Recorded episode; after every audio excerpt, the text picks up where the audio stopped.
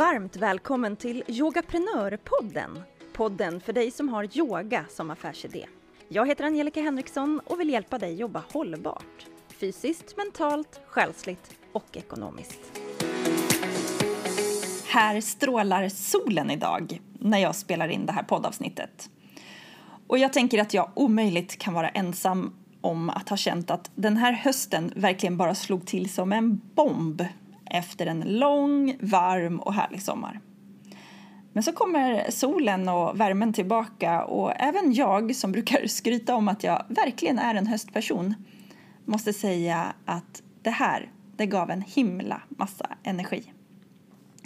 Energi som jag idag använde till en intervju med Isabella Bella Almeteg som är hälsocoach, yogalärare och yogaprenör i Kopparberg i vackra Bergslagen.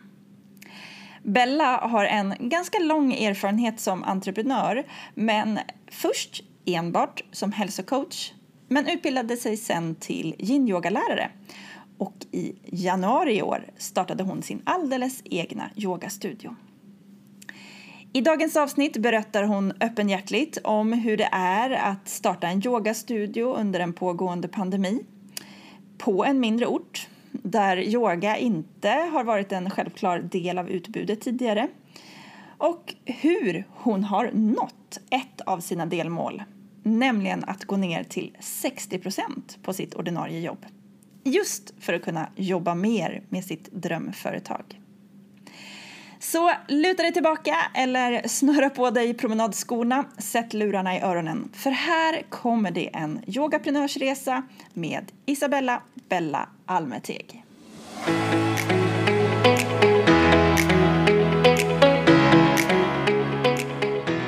Då säger jag varmt välkommen till Yogaprenörspodden Bella. Tackar, kul att få vara med. Jättekul att ha dig här. Skulle du vilja presentera dig lite kort, vem du är och vad du gör som yogaprenör? Mm, absolut. Jag heter Isabella Almeteg, 45 år, eh, bor i Kopparberg och har eh, startat Kopparbergs första yogastudio nu i år. Grattis! Tackar! Underbart att höra. Alltså, du har jobbat tillsammans med mig i Yogaprenör en tid nu och du har ju faktiskt nått ett delmål skulle jag vilja säga, fast det är ett ganska stort delmål, nämligen att du har gått ner till 60 procent på ditt vanliga jobb för att ta mer plats för yogaverksamheten. Det här ska du få berätta om, men jag tänker att vi tar det lite från början. Alltså, när och hur och var blev du yogalärare och när tog du steget till att bli yogaprenör? Jag har väl inte sett mig själv som en yoga, varken yogaprenör eller en yogalärare. Det var ju inget självklart val utan det är väldigt nytt det här är det för mig.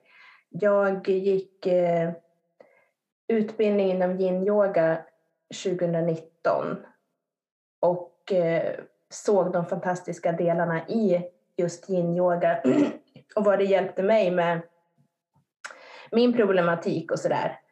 Så, så jag såg ju en affärsidé i det och tyckte liksom att då tar jag in det här eh, verksamheten till mitt företag och vill dela med mig av det till andra människor, andra kvinnor i medelåldern. Så, mm. så eh, jag började smått med lite klasser, hyrde in mig på, eh, i skolans aula eh, och hade klasser där ganska snabbt efter utbildningen men kände att jag behövde ha ett eget ställe där jag liksom kunde köpa in props, där jag kunde liksom få lämna det som det är och veta att jag, när jag kommer så, så vet jag hur det ser ut. och sen även ett, ett community för kvinnor, en samlingspunkt för kvinnor. Så därför så hittade jag en lokal som jag gick och sneglade på i ett års tid innan jag tog beslutet att nu ska jag hyra den här och starta min verksamhet som yogastudio. Ah, alltså det är spännande. Det, det, finns lite frågor här på vägen så jag får lov att backa lite grann. Du hade mm. företag innan du blev yin-yoga-lärare alltså. Berätta om det. Jag, har ett, jag är hälsocoach. Jag utbildar mig som kostrådgivare.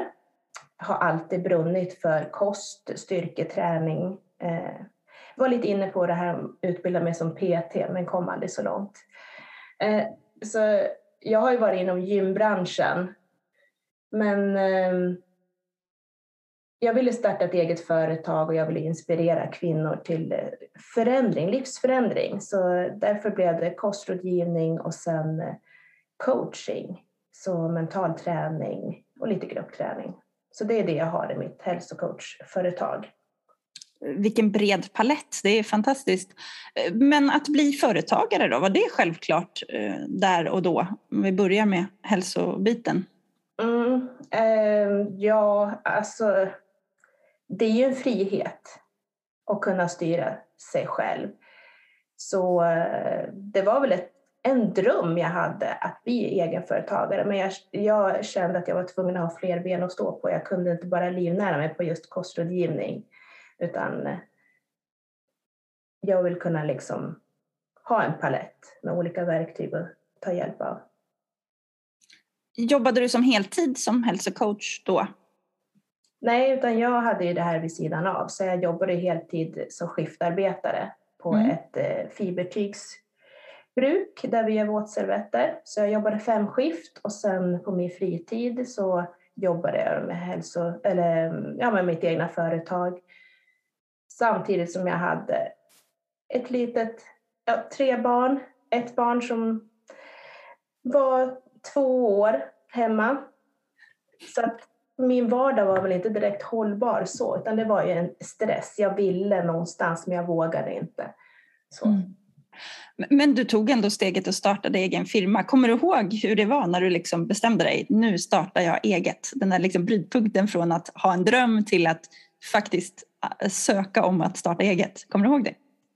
Men jag trodde att jag bara jag har liksom fått till ett namn och startat företag så kommer allting flytta på av sig självt. Jag behöver inte göra någonting utan det bara kommer komma till mig. Men det gjorde det ju inte. det var liksom... Berätta lite mer om det. Utveckla det.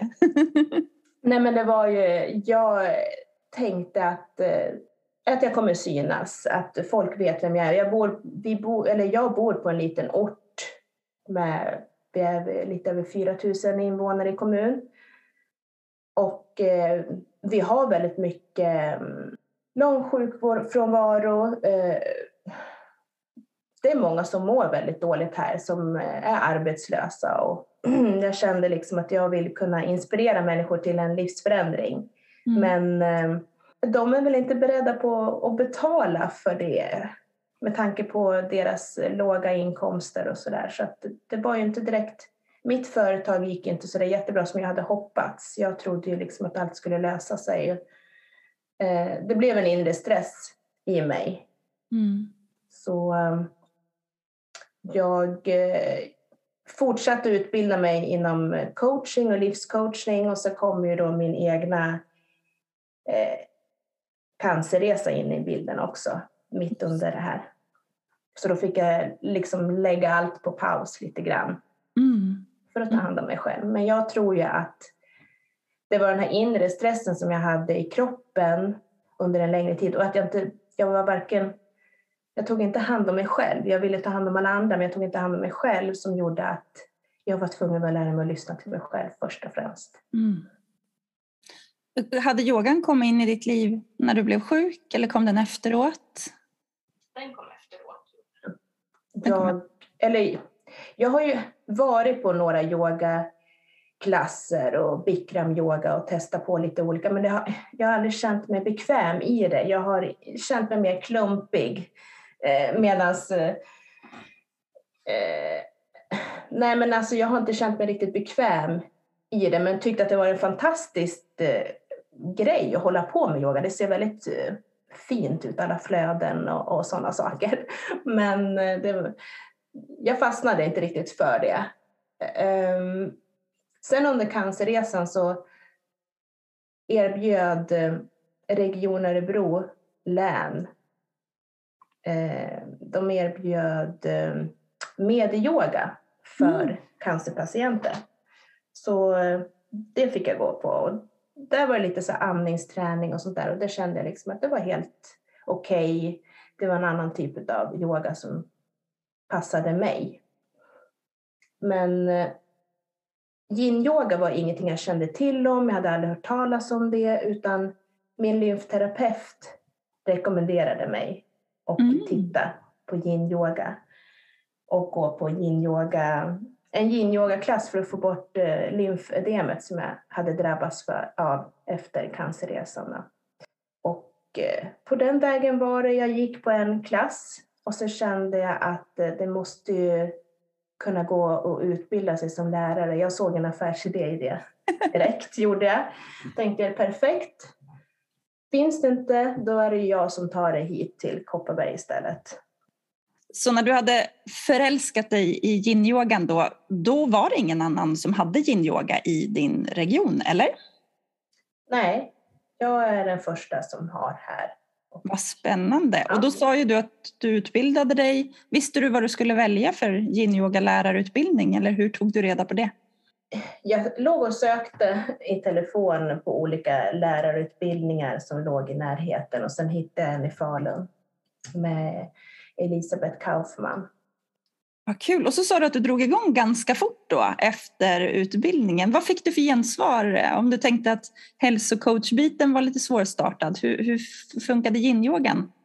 Yin-yogan gick faktiskt lättare eh, mm. att få in människor till eh, klasserna och eh, det, det flöt på, gjorde det.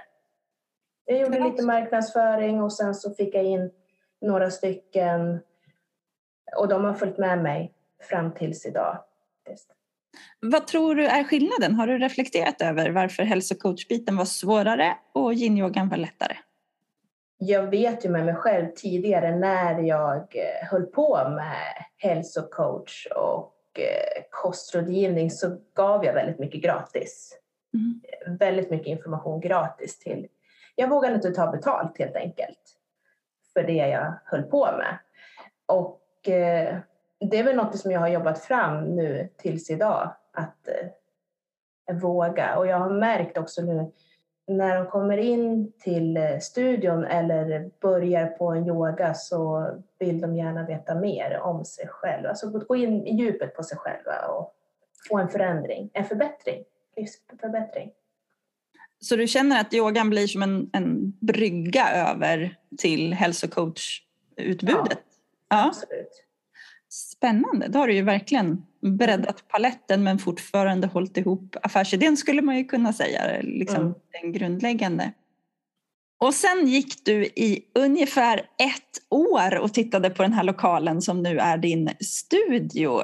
Hur gick det till när du till slut tog steget och eh, startade? Ja, här i Kopparberg så har vi ju ganska många lediga lokaler. Så jag eh, var runt och kollade på några stycken och eh, hittade den här lokalen som är väldigt öppen där jag hade ett fritt utrymme, utrymme att kunna planera i lokalen, kunna eh, jag få till en, en eh, ganska stor yta. Så. Och eh, sen prisnivån var ju också väldigt viktig för mig eftersom att eh, jag skulle investera och eh, ta lån för att köpa in och renovera och sådär. Så att eh, ja, mm. det tog ett tag. Det tog ett tag? Ja. Mig. Ja, precis. Var det någon faktor som var så här avgörande? Du sa att den var stor och öppen och därför fick du ändra runt lite i den som du ville. Var det någonting annat du tänkte på med varför just den lokalen var passande? Ja, men det var högt i tak. Ja. Eller det är högt i tak. Och, eh, den ligger väldigt nära där jag bor, så jag har ju gångavstånd, vilket är ett plus också. Um, den ligger centralt så att uh, den syns ifrån vägen. Det finns parkering. Så uh, nej, men jag tyckte att det var perfekt. Det är inte för mycket ljud runt omkring. Så. Bra. Mm. Jättebra. Ja, jag tycker du säger några viktiga saker där. Alltså, eh, att den syns i sin helhet. Eh, att den pratar för sig. Det är ju mm. väldigt viktigt. Mm. Eh, man får jobba mer ifall den ligger avlägset. Och sen lättillgängligheten är ju också, du vill ju att folk ska kunna komma dit och om man då enkelt kan ta sig cyklandes, gåendes men också att det finns parkeringsmöjligheter. Det kan ju också vara avgörande för att det faktiskt ska funka. Mm, ja, absolut. Ja.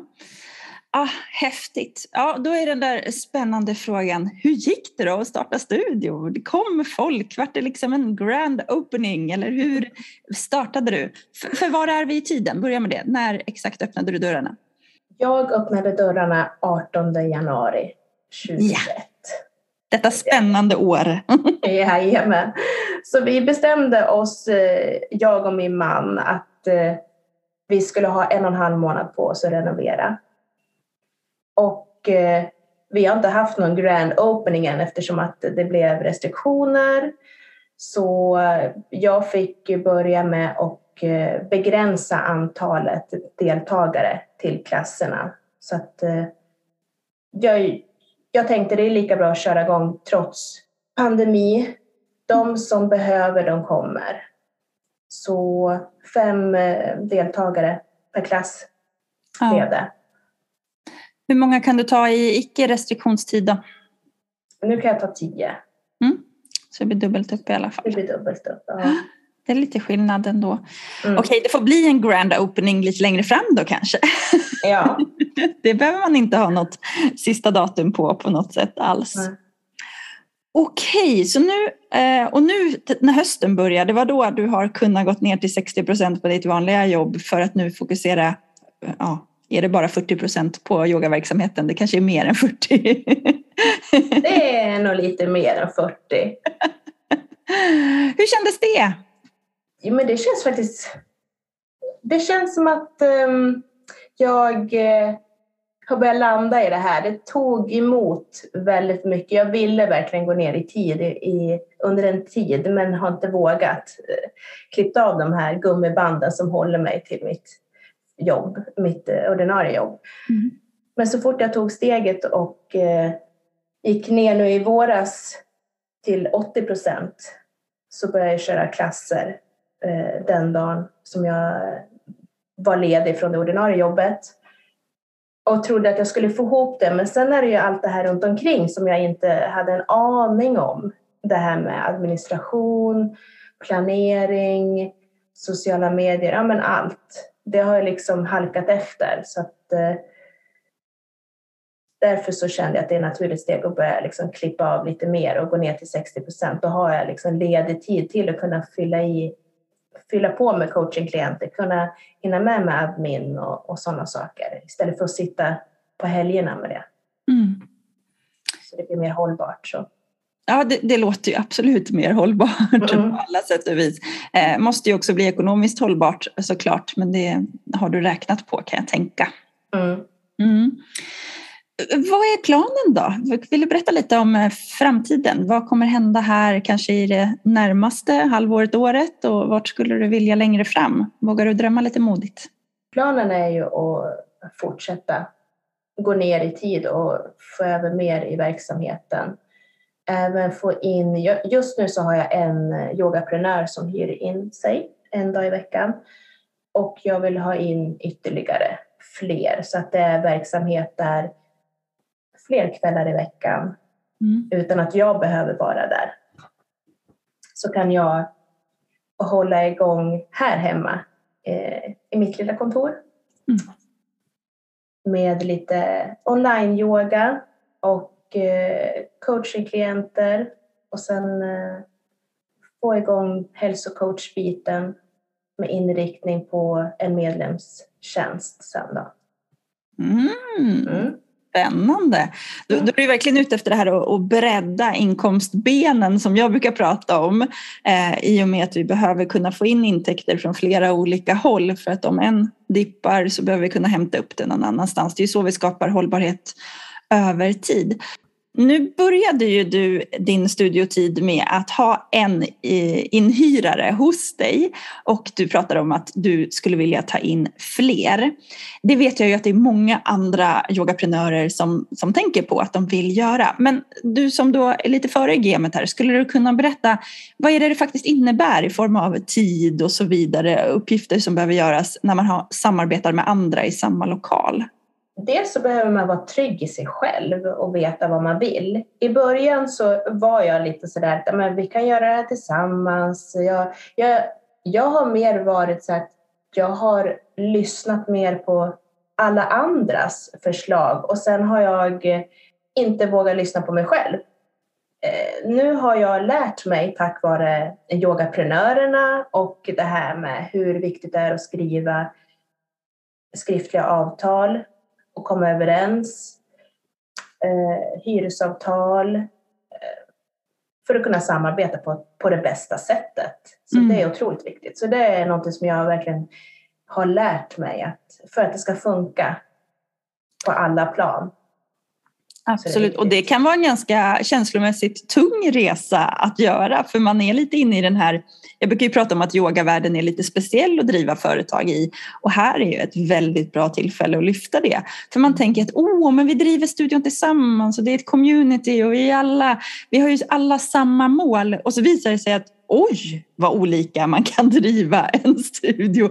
Och det behöver inte vara så att det ena är bra och det andra är dåligt utan bara det som är självklart för mig är inte självklart för dig och definitivt inte självklart den dagen det börjar trassla eller strula lite grann helt enkelt. Eh, skulle du vilja skicka med något sånt råd? Du säger skriftliga avtal, vara trygg i sig själv. Vill du skicka med någonting mer till den som står och funderar, precis som du, på att starta eller släppa in flera i sin lokal? Att man är öppen, att man har en öppen dialog med de man hyr, eller som ska hyra utav en. Eh, att man eh, är tydlig och är det så att man känner att det här fungerar inte, att man vågar ta tag i det snabbt. För att, det är bra. För att det inte ska liksom gå så långt så att man tappar den personen som hyr. För man vill ju ändå att fler ska kunna utnyttja lokalen, så är det ju. Verkligen, och ditt purpose, ditt syfte med studion är ju precis att du vill kunna hjälpa kvinnor framför allt som vill göra livsstilsförändringar. Och då är det ju bra att få med sig andra yogalärare som kan hjälpa till på resan. Mm. Och det jag skulle vilja lyfta här, för du sa det tidigare, att du skulle vilja ha mer verksamhet i lokalerna medan du kan sitta hemma på kontoret och göra annat. Eh, då blir det väldigt viktigt att faktiskt skapa mötestillfällen för ni kommer ju rent praktiskt inte att träffas så himla ofta om ni är där olika kvällar och olika tider. Så då måste man ju styra upp möten där man faktiskt sitter ner och, och diskuterar så här, ja, vad funkar nu, vad funkar inte, vart ska vi och så vidare. Mm. Eh, så där tror jag att det är många som, som fallerar eh, i det hela. Man kanske faktiskt är en väldigt bra match och man jobbar väldigt bra men bara det faktumet att man inte har den här kommunikationen gör att en liten, liten, liten fnurra på tråden kan bli någonting stort. Jag talar av egen erfarenhet här också så det kan vi väl skicka med till den som är. Men vi gör en liten eh, halvhalt där.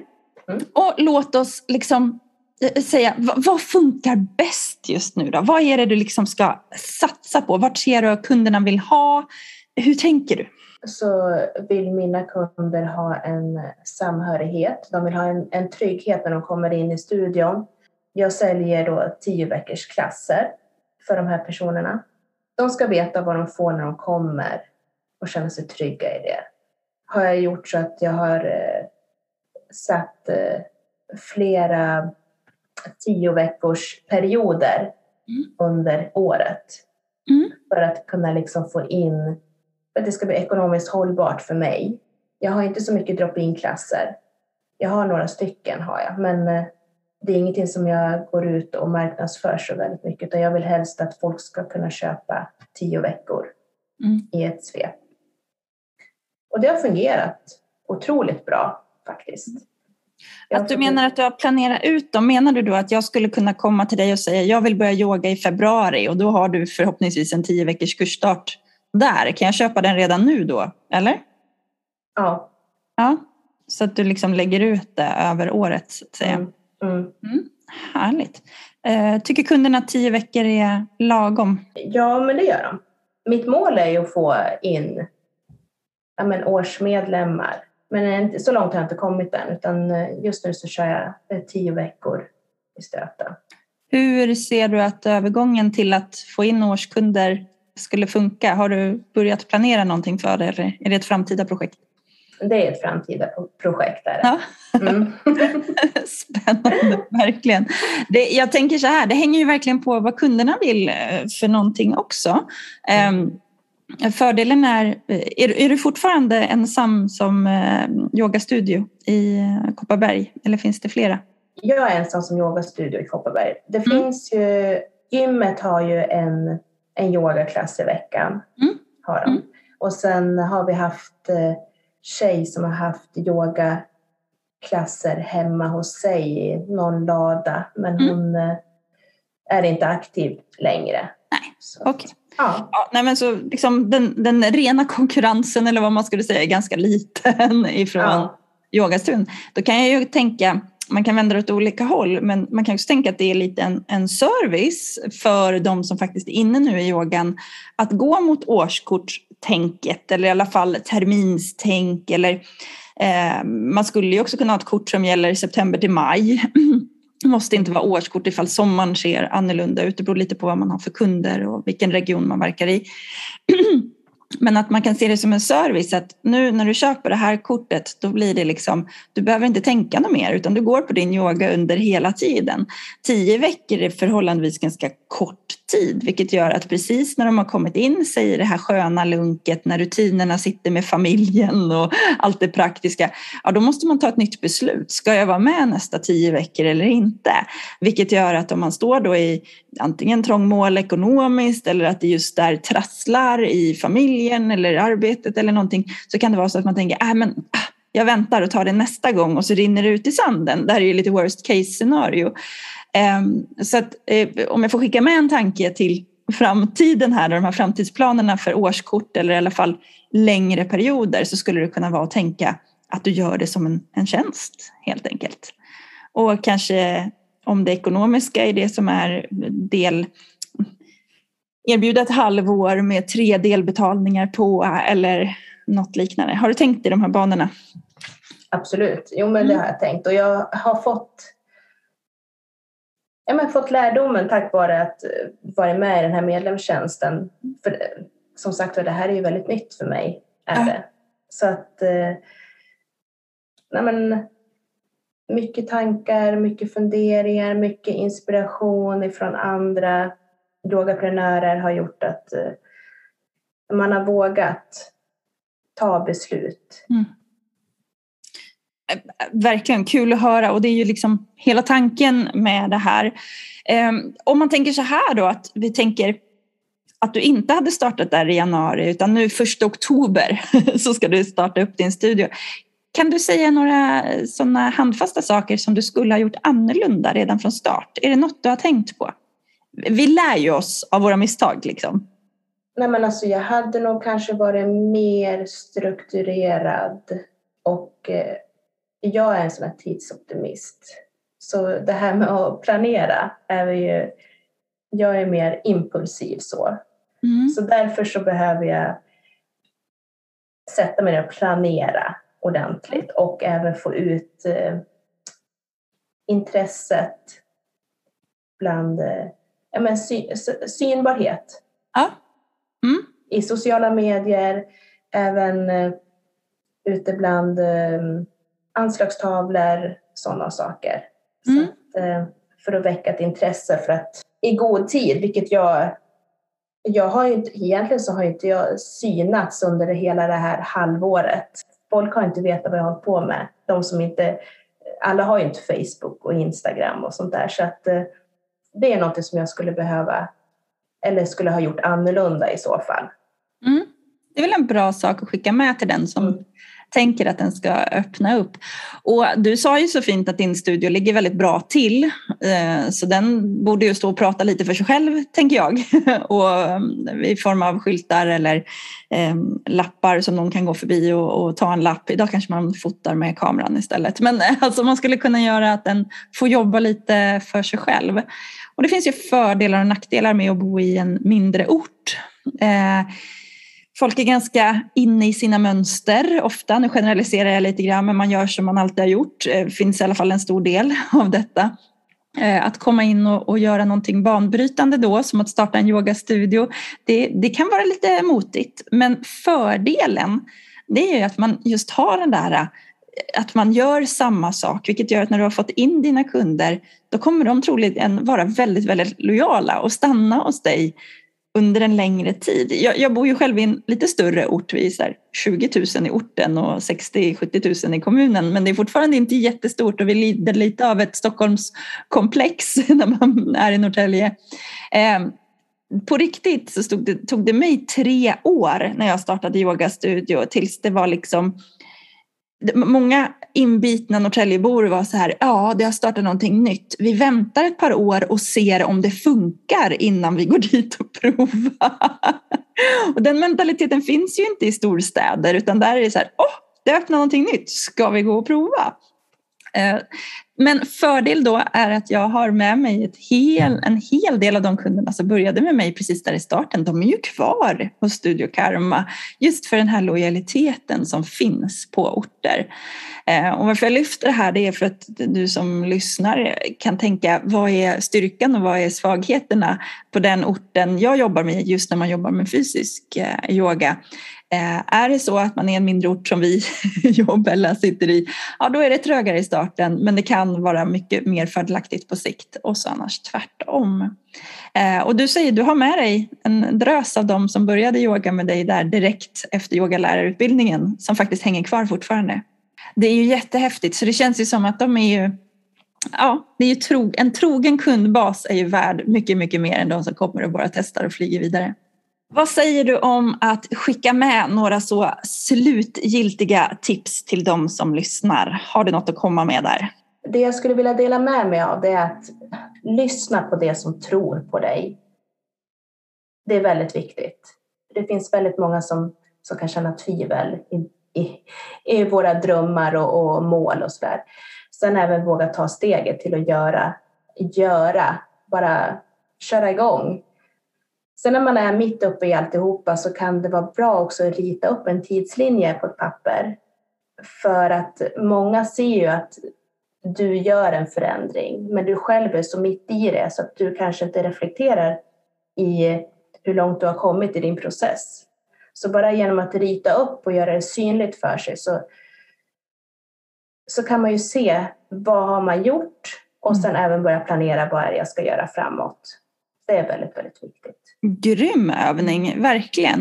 En mm. tidslinje där man skriver ner vad man har gjort för någonting hela tiden så man ser vart man faktiskt kommer. Bra tips, det är ju både för entreprenörskap men också i livet i stort, tänker jag. Det är väl där det kommer ifrån. Mm. Det tackar jag verkligen för. Skulle vi kunna, där med tvivel också, för att så här slutligen skulle jag vilja lyfta att du är ju otroligt modig. Alltså, du säger att du gick och tvivlade, det gick sådär, det kom sjukdom, det kom en pandemi. Eh, du hade tänkt att det skulle rulla på av sig själv, det gjorde det inte. Eh, det finns ju de som hade lagt sig ner och sagt att nej men det här funkar inte, jag går åt ett annat håll. Våg, har du någonting du kan dela med dig av vad som har gjort att du faktiskt har fortsatt? Jag har ju tänkt många gånger också att det här kommer inte fungera. Vad håller jag på med? Jag är helt galen. Men eh, jag skriver mycket i en yogaprenörs dagbok. Jag skriver mycket på kvällarna. Även lyfter vad är det som har hänt för bra varje dag. Nej, men bara köra på.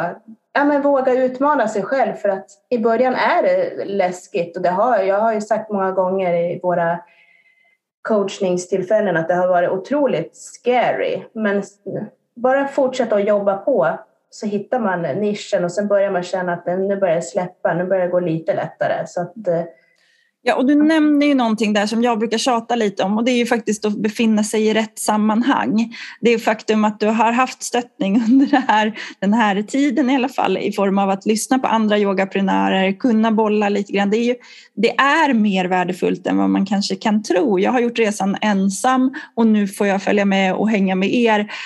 Vilken, vilken när den ena dippar i energi så höjer de andra. När det är någon som lyckas med något så firar vi tillsammans. Alltså, jag vet själv, jag är en ensamvarg väldigt mycket, men det här ger. Det ger att umgås med likasinnade. Absolut. Ja. Så jag är glad att du lyfter det och att du har fått tagit till dig av det och vi, vi fortsätter att jobba tillsammans. Jag måste men, kunna se just det där att få inspireras av alla andra, vad de gör och, och kunna lyfta dem och även få inspiration när man dyker själv. Så att, eh, för det gör ja, man. Det kan det vi väl bara konstatera. Absolut. vi är bara lite mer galna som fortsätter. Jag kan tänka mig att det är många som lyssnar som är superintresserade av att följa dig. Eh, om man vill hänga med dig i sociala medier, vad, vad heter du där? Jag heter på Instagram heter jag Halsocoachen Isabella. Och eh, även Bella Studio som är mm. studion. Bella Studio och Halso-coachen Isabella kan man alltså följa. Jag länkar i beskrivningen till podden också. Ja men underbart att ha haft dig med. Tack för att du är så generös och givmild, öppen med vad du har eh, tagit dig igenom. Nu är jag 100% säker på att du har inspirerat många fler till att ja, inte lägga sig ner och ge upp utan helt enkelt fortsätta. Tack för din tid och din inspiration. Tack själv för att jag fick vara med. Jättetack. Eh, ha en riktigt fin fortsättning på dagen. Vi hörs snart igen.